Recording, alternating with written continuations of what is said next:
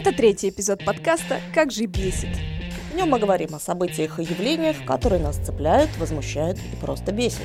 Всем привет, я Екатерина Павлова. Здравствуйте, меня зовут Олеся Лагашина. Прежде чем мы начнем говорить о сегодняшнем теме выпуска, Олесь, я хочу рассказать о реакции на предыдущий эпизод о клачном русском языке. Ты сама видела комментарии? Некоторые видела, хотя целенаправленно я их не читаю. Отношусь я к этому спокойно, если людям легче от того, что они поделились своими эмоциями, пусть им будет легче. В конце концов, мы с тобой делаем абсолютно то же самое. Да, согласна. Но я все же хочу зачитать некоторые. Э, мне очень понравились. Например, пишет нам э, Роман. Прикольно, тут две пигалицы из себя дворянство строят. Я бы реверанс еще сделала, но Роман этого не заслужил, потому что он не знает, как пользоваться словоерсом. Кстати, значение слова «пигалица» Роману, видимо, тоже не совсем понятно. Мог бы в словарик заглянуть. Но радует, что ему хотя бы прикольно. Да, да. Пишет нам Андрей. Они Путина обсуждают, он у них президент. Ну, вообще-то мы обсуждали не Путина, а то, как мы неграмотно пользуемся нашим родным любимым русским языком. А вообще-то мы делали достаточно самокритично, и прежде чем вы начнете писать комментарии, вы лучше дослушайте подкаст до конца, там вообще речь не о Путине шла. Совершенно, совершенно не о нем, но от Путина бомбануло у всех. Ну, видишь, тут э, понятно, что у нас была привязка к информационному поводу, и если вам эта мысль осталась непонятна, я, может быть, ее немножко поясню. Дело в том, что роль русского языка как э, языка международного общения, она с годами все-таки уменьшается, да, и понятно, что это так или иначе связано с политикой. Ну, если вам э, это не очевидно, ну, тут вряд ли кто-то может помочь. Хорошо, пишет нам Валентин. Пьяные посиделки двух безграмотных идиоток? Похоже. Когда две соплюшки позволяют себе оскорбление президента соседнего государства, эпитеты для них годятся любые. Собственно, раз уж меня раскрыли...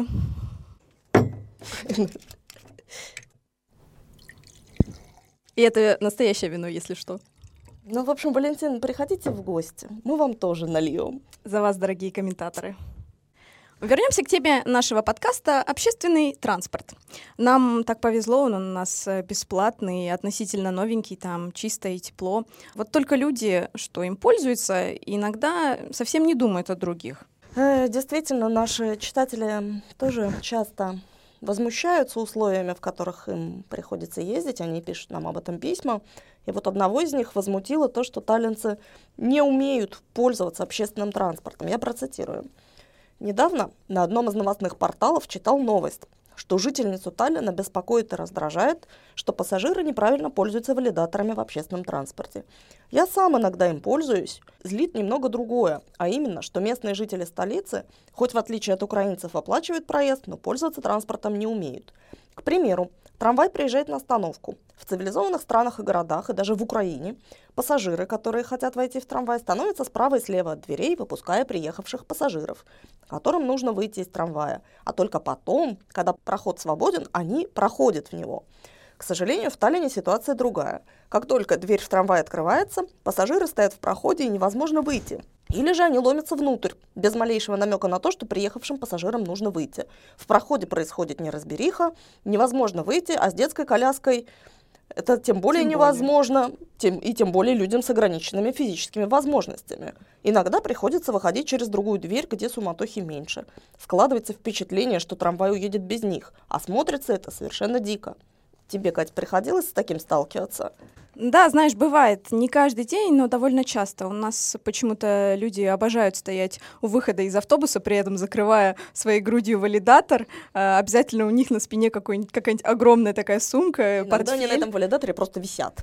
Такого не встречала, но правда приходится как бы протискиваться к, к нему. И причем это обязательно происходит, когда все одеты в пуховики, то есть это зима, это когда на улице очень холодно, ты заходишь в транспорт, там безумно жарко из-за всех этих э, теплых вещей. Это ты на самом деле не ездила в общественном транспорте в 80-е и 90-е годы. Вот там в общественный транспорт был просто не сесть, там людей действительно было вот как селедки в, в бочке, они набиты туда. Ты приходил на остановку, и ты не знал, уедешь ты с нее или нет. Мог три автобуса пропустить, четыре. Ну, я точно начала ездить в конце 90-х, потому что у меня нет водительских прав, и всю свою жизнь я пользуюсь общественным транспортом. Так что я знаю, о чем говорю, но только начиная с 90-х годов. Хотя с годами у меня выработалась стрессоустойчивость, то есть я стала поспокойнее, наверное. Но меня по-прежнему убивает э, просто до скрежета в зубах очень сильные и порой неприятные запахи от некоторых людей. И, конечно, подростки, которые бесятся, э, валяются на полу, бросаются на поручни, висят на них. Я просто вот буквально даже на днях видела такое. Очень громко слушают музыку из колонок, зачем непонятно. А, и дети еще, которые заходят вот с такими огромными портфелями, маленькие, причем там первоклассники, второклассники, расталкивают и тебя, и других, и, и пожилых людей. В общем, родители, которые нас слушают, пожалуйста, объясните своим любимым и дорогим, как пользоваться общественным транспортом, точнее, как себя в нем вести. Ну, мне кажется, что запахи бесящиеся дети, равно как и разговоры громко по мобильному телефону с обсуждением всех семейных подробностей, говорящих... Или ссора на заднем ряду. Это такая неизбежность. Ну, люди есть люди. Если ты хочешь пользоваться общественным транспортом, то так или иначе будешь с этим сталкиваться. Конечно, это вопрос воспитания. Но вот а, по поводу валидаторов а, я хотела сказать. На них жалоб, ну, не, не так много, может быть, поступает, но интересно, что эта система все-таки она стремится к упрощению. Теле, да, недавно на, на днях выпустила сообщение о том, что пользование валидатором скоро будет возможно с помощью приложения. Я так понимаю, что уже с этой недели для тех, кто клиент этого оператора, эта возможность существует. То есть вам больше не придется носить с собой зеленую карту, вы можете просто мобильный телефон приложить к валидатору, правда, это действует пока только с телефонами на андроиде. Но интересная вещь. Интересная идея, я еще не попробовала. Ну, как-нибудь, может быть, соберусь. А, кстати, по поводу всяких э, ссор в автобусах, ну, в смысле, в общественном транспорте, я иногда, ну, очень любопытная, и выключаю даже наушник, когда слышу, что кто-то начинает ссориться, и знаешь, там такие разговорчики типа «ты вот ты никогда меня не понимаешь, я, я 20 лет тебе своей жизни отдала», или «ты опять это сделал». Вот почему? Почему ты все время это делаешь? И мужик либо оправдывается, либо просто молчит и просто слушает. Прекрасно для развития писательского мастерства. Где еще столько узнаешь о людях? Да, слушай, если бы еще фейс-контроль придумали на входе, было бы классно, потому что сейчас всяких психов типа Яши и ацетоновых наркоманов стало уже меньше на тех маршрутах, которыми я пользуюсь, но когда-то я их видела регулярно. И меня прямо, я бы сказала, даже какой-то страх и отвращение появляются, когда я вижу э, всяких неприятных личностей. И еще хуже, если они пытаются с тобой заговорить. То есть едет какой-нибудь такой пропитый алкоголик и начинает, пытается тебе там что-то э, рассказать про свою жизнь. Вот это меня бесит прям так сильно, что хочется выйти из автобуса или послать этого мужика, но ни того, ни другого я не делаю, потому что в конце концов мне же нужно приехать в место назначения, а, а стоять и ждать следующего как-то не очень хочется. Нет никаких гарантий, что таких людей не окажется в следующем. Вот, другой. Да, еще, кстати, хорошая э, история у меня есть. Подруга прошлым летом едет в автобусе, ну там что, сидит, слушает музыку, там, не, не особо обращает обращает внимание на других. И тут замечает какое-то движение рядом с собой, поворачивается, а с ней рядом сидит молодой парень и самоудовлетворяется. И ты можешь представить э, себе шок человека, когда она такое увидела? Может быть, это даже связано с тем, что э, общественный транспорт стал бесплатным. Как ты думаешь, Олеся, их стало больше таких вот странных людей или меньше после того, как привели реформу? Ты знаешь, мне так не кажется. С одной стороны, мне трудно сказать, потому что все-таки по большей части все эти годы я ездила на автомобиле. А с другой стороны, когда общественный транспорт был платным, люди в транспорте тоже попадались самые разные. Однажды, например, ехала в последнем а, троллейбусе, а рядом присел человек с ножом. Он просто вот открыто достал нож и сидит рядом со мной. Жесть, и больше просто. в транспорте никого нет. В общем, было довольно страшно, и не знаешь, что в таких ситуациях делать-то, потому что на улице тоже темно, и выйти одну непонятно где-то там в Мустаме, еще и не да. свой район. В общем, неприятно, да. Но думаю, что не очень адекватным людям глубоко все равно, платный этот транспорт или, не беспла или бесплатный, они все равно уже как бы ставят себя вне закона, они об этом не задумываются просто. Мы спросили у водителя автобуса, что его возмущает в поведении пассажиров и имеют ли водители право призвать их к порядку. Что еще раздражает, это бомжи, которые иногда бывают. Ну, если один, то еще как-то спокойно, а если парочками это проблема. Вот. Что еще раздражает? Это есть люди, которые специально, в силу своего умственного сознания, делают так, что вот он, он медленно идет. Вот ситуация, ты на остановку встал, двери открыл, все уже сели, а он принципиально только к дверям подходит. Закрыть двери перед ним, перед носом, это значит скандал. Если закрыть дверь, он начинает стучать по двери. Люди в машине начинают кричать там пассажиры на улице. А ты не можешь, получается, вмешиваться, ну, то есть... Э, Драть на не имею или... права, скандалы не имею права, имею право вызвать, э, скажем, позвонить э, диспетчеру, вызвать там патрули, а потом диспетчер решит, что, может быть, надо вызвать полицию. Вот. Сам я вмешиваться в этот процесс по жизни не имею права, даже если будут автобус разрушать. Сложно работать в таких условиях, когда практически ты ни на что не имеешь права. Конечно. Нужно иметь очень крепкие нервы. И с другой стороны, водитель никак не защищен в случае агрессии. Там ни стекла между ним и пассажирами нет, ничего. Абсолютно. Любой может подойти и просто в лицо дать. Вообще с водителями и у меня самой бывали иногда э, какие-то конфликты небольшие, но есть просто очень классные водители, например, э, на вечернем экспресс-маршруте, это, кажется, 53-й или 56-й, я точно не помню. Водитель после шести вечера, э, я очень хорошо вот запомнила его голос, он очень искренне и тепло желает всем хорошего вечера, говорит, дорогие пассажиры, сегодня закончился очередной рабочий день, я желаю вам приятного вечера, э, проведите время со своей семьей. Ну, знаешь, такие очень душевные, теплые слова, и улыбка сама просто расцветает на твоем лице. Человеческая теплота всегда в дефиците, особенно вечером после тяжелого рабочего дня. Что попадаются такие водители. Потому что на самом деле большая нервотрепка. Ну, представь себе, на полосе общественного транспорта тебя не пропускают, тебя постоянно кто-то подрезает, ты тормозишь, кто-то, кто-то у тебя в автобусе падает, ломает руку, потом на тебя приходит жалоба. Ну, Приходится, как... да, оправдываться перед начальством. А ты выбиваешься из графика при этом. То есть я как пассажир, конечно, не в восторге от того, что кто-то там резко затормозил, особенно если я в этот момент пытаюсь как раз убрать зеленую карточку в сумку, и мне держаться в этот момент нечем. Ну и водителям, конечно, тоже не позавидую следуешь.